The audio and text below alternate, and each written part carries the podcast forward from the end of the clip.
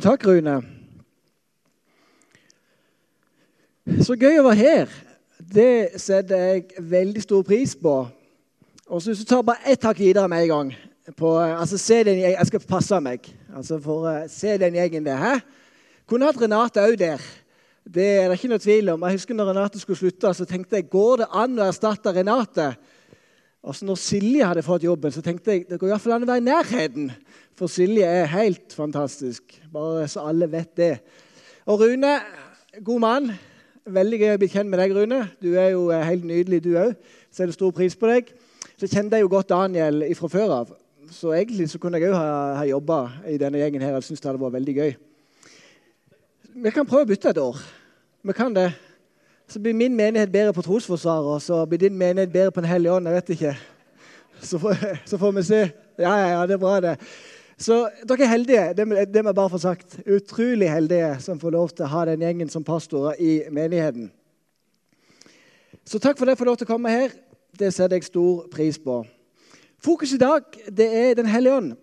Og så har jeg tenkt på det at eh, de bogrune og min bok, de to bøkene sammen, da tror jeg du får leve et meget bra og spennende liv med Jesus. Det har jeg, som jeg tenkt på. At uh, Har du den og den, da har du alt du trenger for å leve nært Jesus. Bare sånn at det er sagt tidlig her. Jeg tenker det at Hvis vi enkelt skal svare på hvem er Den hellige ånd Jeg får det spørsmålet hele veien. Ja, Jonny, hvem er Den hellige ånd? Og så har jeg tenkt, Hva er den enkleste måten jeg kan si det på? Jo, det er han som gjør Jesus ekte for oss. Synes Det høres bedre på engelsk, for der kan du si 'He makes Jesus real' som er et ord som er litt bredere enn ekte på norsk. Men for meg er det sånn at Den hellige ånd han gjør Jesus ekte i mitt liv. Så skal jeg tenke på hvem Jesus er, så spør Den hellige ånd kan du vise meg hvem Jesus er. Og så blir det lettere og tydeligere for min del. Så tenker jeg òg det, at Når vi har Den hellige ånd, så er vi alt vi trenger for å bli det Gud har kalt dere til å være, sier A.W. Tosher, en som jeg har lest ganske mye av. Og jeg tenker jo det, at Vi kan ikke bare parkere Den hellige ånd en eller annen plass, og så er han der. Det var en vekkelse en eller annen plass i Norge. jeg skal ikke si hvor. Og det var ikke alle som vekkelse, vekkelse betyr at noen kommer til tro på nytt, og at mange kommer tilbake igjen til tro på Jesus. Noen som kanskje hadde beveget seg vekk fra Jesus, kommer tilbake igjen og blir brennende for han. Det er typisk vekkelse. Her var det vekkelse og I menigheten så ble det mye uro, for det, at, eh, det kom mye folk som var litt annerledes enn de som gikk der fra før av. Bygdas verstinger tok imot Jesus som herre og frelser. Og så var det på et menighetsmøte så var det en som reiste seg opp og så sier han det at jeg har ikke klart meg uten Den hellige ånd i livet til nå. Og jeg har ikke tenkt å klare meg uten Den hellige ånd til jeg dør. Så satte han seg ned. Og kort tid etter dette menighetsmøtet så stoppa hele vekkelsen opp. Og mange av de som hadde tatt imot Jesus, de eh, forsvant ut igjen og begynte å leve det livet som de hadde levd før. For det var ikke plass til Den hellige ånd og Jesus der. I Zakaria, eller Zakaria 4,6 står det ikke ved makt, ikke ved kraft, men ved min ånd, sier herskarenes herre. Når jeg var en liten gutt, da fikk mamma noe som hun kalte for, og de kalte det for det bygde mi, en fornyelse. Det vil si at Mamma hadde trodd på Jesus før. Jesus hadde vært viktig i livet til mamma. Men hun gikk på et møte, og på det møtet ble hun bedt for. Hun møtte Jesus ekstremt sterkt. Jeg husker jeg var liten gutt, jeg var fem-seks år gammel, men jeg merka at mamma hadde blitt annerledes. Jeg merka at troa som min mamma hadde på Jesus, hadde forandret seg totalt.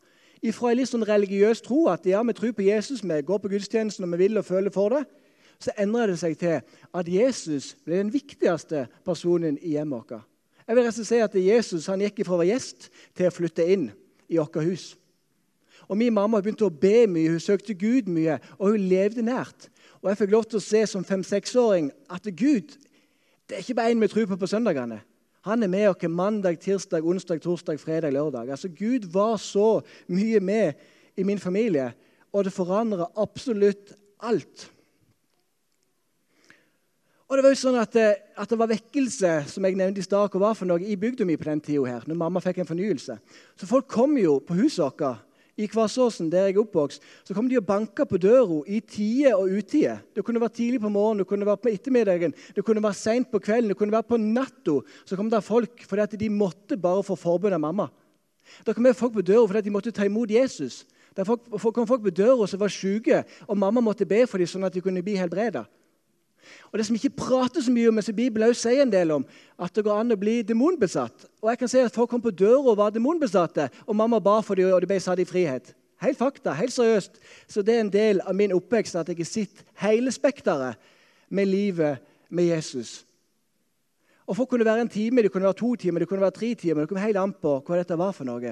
Og Så var det jo bønnemøter. og Det var ikke sånn at vi hadde bønnemøte annenhver tirsdag fra åtte til ni, og så kom det en gjeng på to, tre, fire stykk. Det var ikke sånne bønnemøter. Men eh, det var sånn spontane hjemme hos oss. Ja, nå ber vi i kveld. Så var det stappfull stue. Og så var det fram med gitaren, og så var det fram med trekkspillet. Og så spilte de de gode, gamle sangene som eh, Vigelandvekkelsen er kjent for. hvis du lurer på type sanger. Så jeg er oppvokst med det som gir meg en gitar, så kan jeg spille alle sangene i hele verden som har med det å gjøre. For dette er det min oppvekst. Og så visste vi aldri helt hva som skulle skje på de der samlingene hjemme. Skulle noen, noen ha en tale? Nei, det visste vi ikke. Skulle vi bare synge sammen? Skulle noen be? Alltid noen som ba. Men på de møtene så fikk jeg lov til å vokse opp i dette. Og Noen ganger sovna jeg på gulvet, noen ganger sovna jeg nok i armene til mamma. Men jeg var med på dette. Jeg fikk kjenne på et nerve. Jeg fikk kjenne at Jesus var til stede. Jeg fikk kjenne at Jesus gjorde noe. Og at Den hellige ånd det var ikke en som var fjern, en som var langt vekke. Nei, han var så personlig, han var så nær, at jeg enkelt kunne si 'God morgen, Hellige ånd'. Så det som mange syns er vanskelig hele livet, som jeg forstår godt, det ble for meg veldig enkelt. For dette var så tydelig at Jesus han var til stede i livet vårt. Vi trengte at Jesus var til stede. Jeg kunne også lagt ut mange økonomiske mirakler, men skal ikke gjøre det nå. Men der Jesus bare besvarte bønnene til familien vår fordi at vi søkte han først, og fordi at han var så viktig for oss. Når jeg sjøl var 10-11 år gammel, den gutten som leda møtet, hvor gammel var han? Han er ti år gammel. Når jeg var 10 eller 11 år gammel, jeg er usikker på om jeg var 10 eller 11, da var jeg på et møte.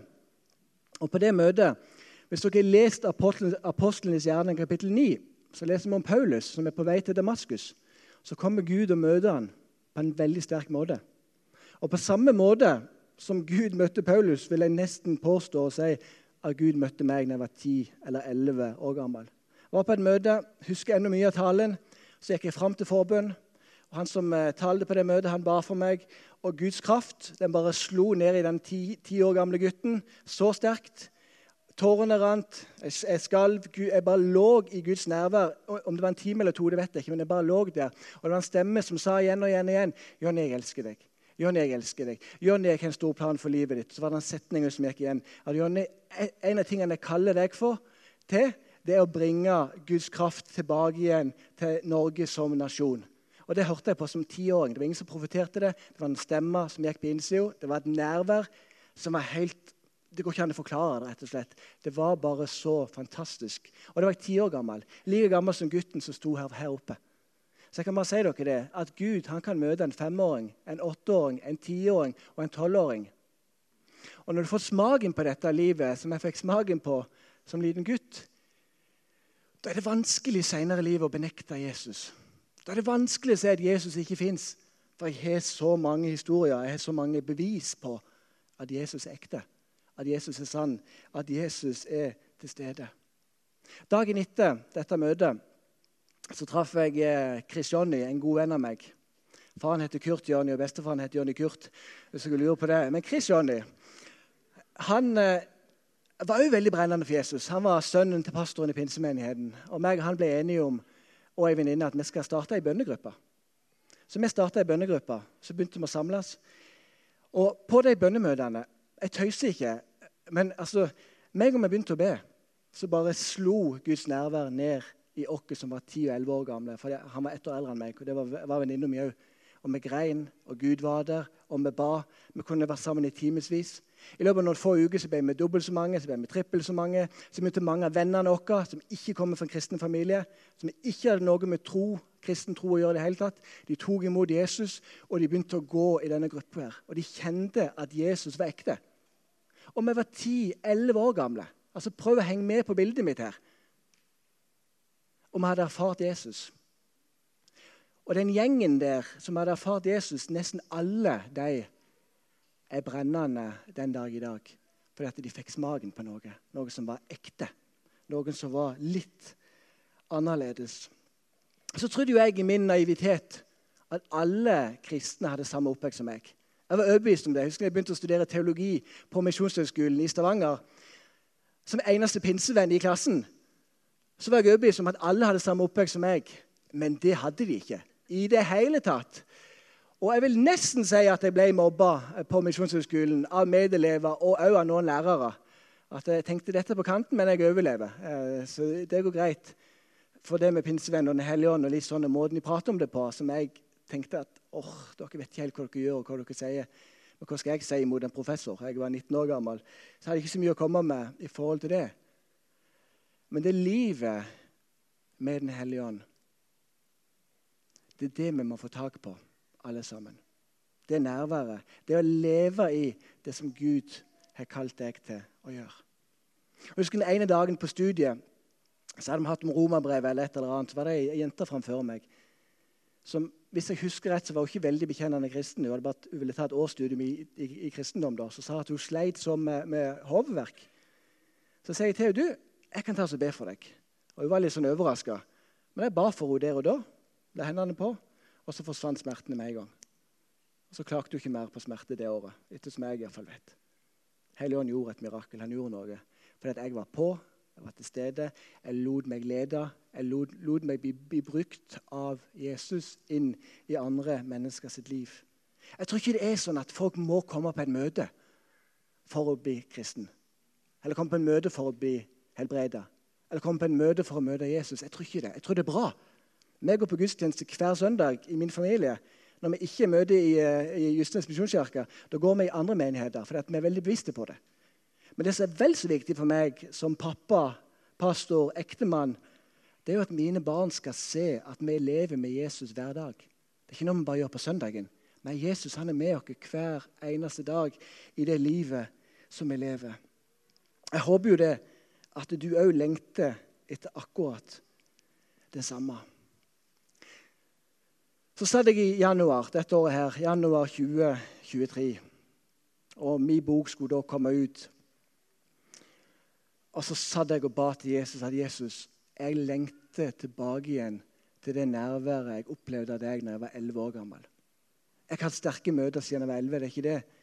Men det der påtagelige nærværet som du ikke kan snakke vekk fordi at Jesus bare er der, så sier jeg til Gud at jeg, jeg bare lengter etter det.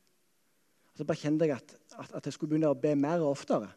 Så i januar, februar, mars så ba jeg ba mye. Jeg ba mye mer enn jeg hadde gjort de siste årene. Hver dag starta jeg eh, i bønn og jeg søkte Gud. Og plutselig en dag i mars, når jeg sitter hjemme i stua mi sitter og ber Plutselig så bare kjenner jeg at det er nesten så at Jesus fysisk kom inn i rommet. Jeg vil bruke det bildet. Jeg så han ikke. Men jeg bare kjenner et nærvær som bare senker seg i rommet mitt. Hjemme i stua vår. Og jeg skal si deg en ting, at jeg er en type som aldri griner. Når jeg ble pappa for første gang, så ba jeg til Gud la meg felle to tårer iallfall for kona mi, sånn at du kan se at jeg bryr meg. Og jeg bryr meg, det er ikke det, det er bare at jeg griner ikke så mye. Sånn er det å være bygdegutt, bondegutt. Du er litt hardere sånn sett enn kanskje de andre. Men da jeg satt der, så plutselig bare åpna slusene seg. Det var helt vilt. Altså Tårene bare rant. Jeg begynte jo å hulke. Jeg tenkte det her er jo galskap. Er det noen andre her inne? Jeg var heldigvis alene sammen med den tre nye guder, sant? så det var jo fint. Men jeg bare, tårene bare rant. Hjertet mitt bare brast. Altså Det var helt ekstremt å kjenne på det nærværet. Og så kom det en tanke ned i meg. Og jeg tenkte følgende At hvis noen mennesker hadde kommet inn i rommet i stua akkurat da, uansett hvor sykdom de hadde hatt, så hadde de blitt helbreda. Det var tanken som slo ned i meg når jeg satt hjemme og ba. Og det handla ikke om meg. Det handler aldri om meg. Men det handler om at det var et nærvær som var der, som jeg tror kunne møte mennesker hvis noen hadde kommet inn. Så gikk det en halvtime. Så forsvant jo ikke Gud. Han er jo med alltid. Men da forsvant det nærværet. Jeg hadde ikke mer tårer igjen å grine. Sikkert grene ti liter. ikke sant? Så jeg måtte fylle på etterpå. Men det nærværet der har du, fått, har du fått smak på det, så er det ingenting annet i livet du har mer lyst på. Punktum. Jeg bare sier det. Det er ingenting du lengter til mer enn å være sammen med Jesus. Det er ingenting som er bedre. Til og med David har sagt at en dag i dine foregårder, Gud, det er bedre enn tusen andre. Og David han visste hva han snakker om. Så jeg tenker det, og jeg ber til Gud om at Gud, nå må du gripe oss på nytt. Nå må du tenne oss i brann på nytt. Så jeg ber til Gud om at la troen gå ifra hodet og ned i hjertet vårt. Og så er begge deler bra. Jeg tror på Gud fordi det er logisk. Jeg gjør det. Men jeg tror også på Gud fordi jeg har hatt noen opplevelser som gjør at jeg ikke kan benekte han på noen måte. Fordi han er så, så virkelig for meg. Apostelens gjerninger 1,8, kjente vers, så står det Men dere skal få kraft når Den hellige ånd kommer over dere. Så skal det være mine vitner like til jordens ende. Det står litt mer enn det. Men det står at vi skal få kraft når vi begynner å tro på Jesus. Jeg er oppvokst i en pinsemenighet, og der var det jo litt sånn at eh, ja, vi trodde at vi fikk Den hellige ånd når vi ble frelst. Men så var alltid spørsmålet men har Den hellige ånd fått deg? Det var jo som spørsmål to alltid. Har Ånden fått deg, Jonny? Nei, ni, ni, år gammel. Nei, ja, hva betyr det? Jeg vet ikke om han har fått meg, men jeg var ti og fikk den opplevelsen. Da kan jeg bare si at jo, Ånden hadde virkelig fått meg. For det blir mange ganger så svevende. Og så tenker jeg at det trenger ikke være det. Det kan være så enkelt som måten som jeg mange ganger starter dagen på. at Hellige Ånd, bare led meg i dag. Ikke noe mer enn det. Ikke noe hokus pokus. Ikke noe å be i den sjuende himmelen og be ned 14 engler og kiruba og Gabriel og alle de.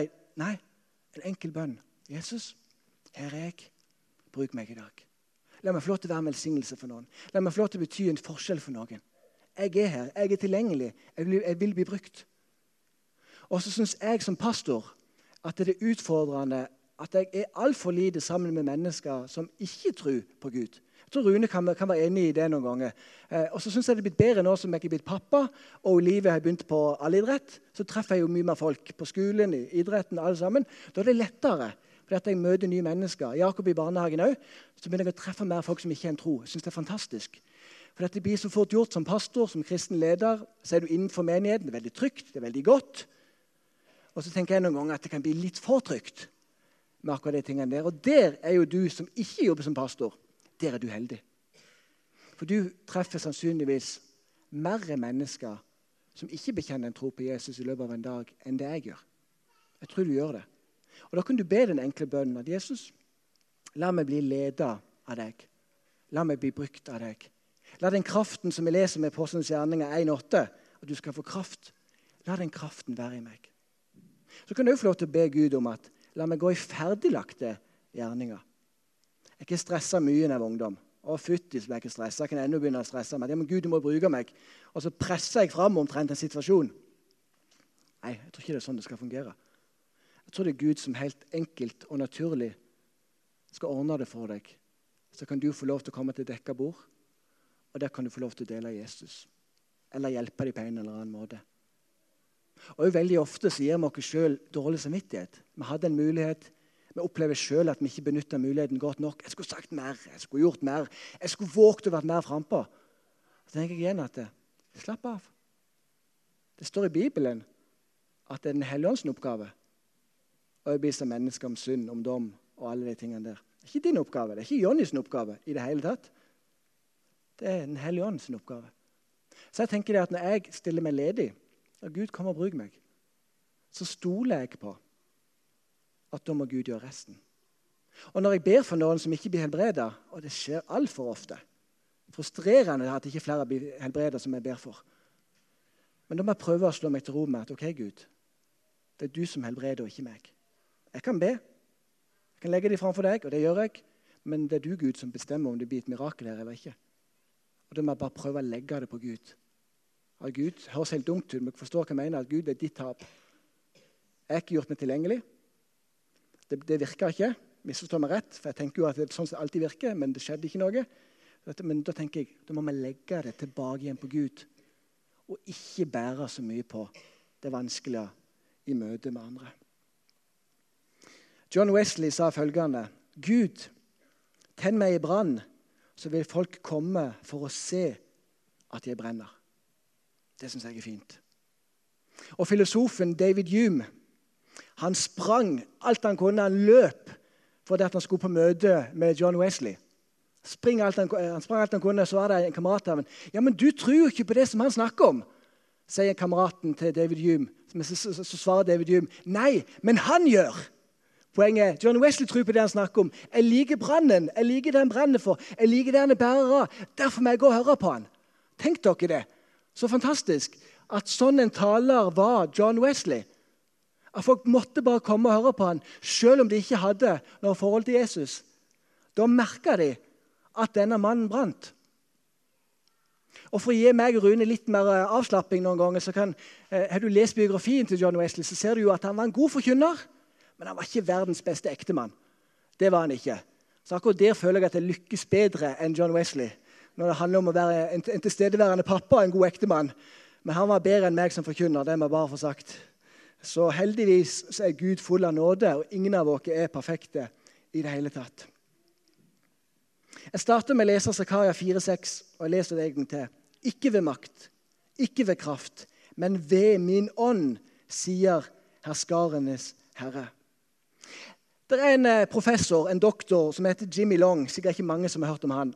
Men han opererer med at det fins fem, fem, ulike kirker. Så skal jeg se om dere kan kjenne dere igjen i noe av dette. Den ene kirka er den beskyttende kirke.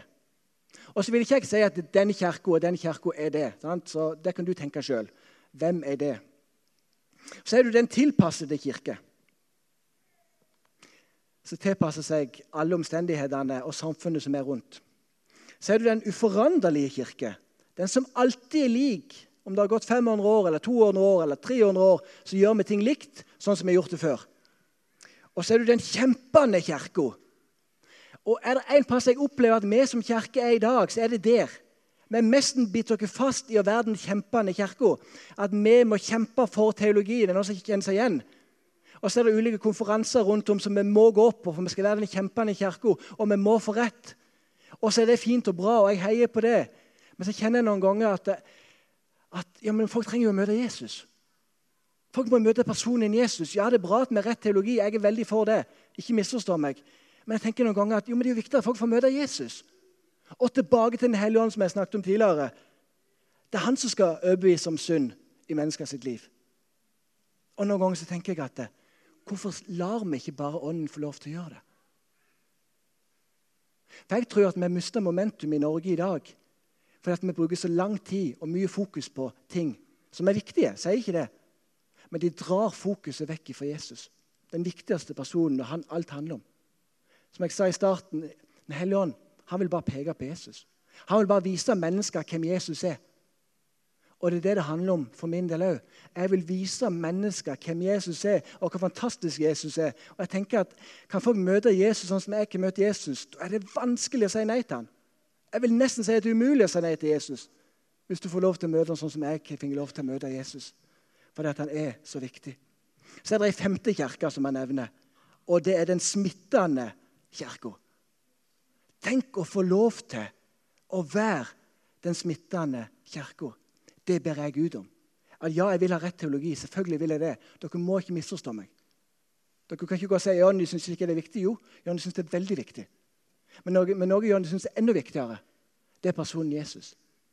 Det er Jesus alt handler om for min del. At mennesker må få lov til å møte Jesus. Og så tror jeg at når vi møter Jesus, så gjør Den hellige ånd en jobb i oss som gjør at vi får lyst til å bli mer og mer og mer og mer lik Jesus for hver dag som går. At Når vi ser fem år tilbake i livet, så er vi blitt likere Jesus på de fem årene. Så er vi ett år tilbake i livet, og nå så er vi blitt likere Jesus på det året som er gått. Det kjenner jeg at det ligger på mitt hjerte. Tenk om Østsio frikirke og Justnes misjonskirke kunne være den smittende kirka. Der mennesker bare kommer og tar imot Jesus. Tenk om jeg kunne blitt så skvær og blitt så ydmyk at jeg kunne sagt med 100% ærlighet at om 100 personer tar imot Jesus i Østsida frikirke, eller om de gjør det i min kirke, så er det ingenting å si. Tenk om jeg kunne kommet dit hen og sagt det med å være helt ærlig da tenker jeg at jeg har kommet der Gud vil ha meg. Men jeg må, jeg må, være ærlig og si jeg vil helst at 100 skal bli frelst hos meg og 99 hos dere. Sant? Jeg må være ærlig og si det. Og så ber jeg Gud hele veien om Gud, men du må knuse meg. Du må knuse de egoistiske tankene. Du må la det være sånn hos meg at om østsida vokser mer enn oss, så er det bare fantastisk. At jeg bare kan velsigne det, bare heie på det alltid. Det ber jeg Gud om. At mitt hjerte skal bli sånn som det. Og så må jeg være ærlig og si at Rune, beklager, jeg er ikke der helt ennå. Jeg vet at du er der. Men jeg er ikke der helt ennå. Jeg begynner å nærme meg slutten her. Men vi stiller spørsmålet Gud, hva gjør du? Gud, hva gjør du i Østsida frikirke? Gud, hva gjør du i Gysnes misjonskirke? Hva kan vi henge oss på som du gjør? Og Sist lørdag så var jeg og talte på en uh, ungdomskonferanse. Fredag, lørdag, søndag. Og På vei til møtet på lørdagen så sitter jeg i bilen og ber. Så er det plutselig en tanke som slår ned i meg. Og der bare opplever at det, at det var en stemme innsida som sa at Jonny, du har ikke spurt meg i dag om hva jeg ønsker med dette møtet. Det var sånn, Oi! Nei, det har jeg ikke gjort, Gud. Jeg har planlagt min preken og tenkt at sånn skal det være. Og så plutselig kom bare tanken om at men du har ikke spurt meg hva jeg tenker. Jeg tenkte, Nei, det har jeg ikke gjort, Gud. Så det måtte jeg bare be i bilen. Jeg må, Gud, hva er det du tenker? Hva er det du ønsker med dette møtet her? Og Så kom det en del tanker om, om det møtet. Og Så gikk jeg på det, og så skjedde det mye fantastisk på det møtet. Men det er jo det spørsmålet vi må våge å stille oss til hver søndag. Jeg må ærlig si at jeg tenker ikke det alltid hver søndag, men Jesus, hva er det du ønsker med dette møtet? En ting er ikke jeg ønsker, men Gud, hva vil du gjøre i dag? I Lukas 24, 32 så står det de sa til hverandre Brant ikke hjertet i oss da han talte til oss på veien og åpnet Skriftene for oss. Det er Jesus og de to som er på vei til Emmaus. Så leser vi at brant ikke hjertet i oss når Jesus delte ordet med oss. Og jeg ber om det, at ditt og mitt hjerte det skal brenne i oss.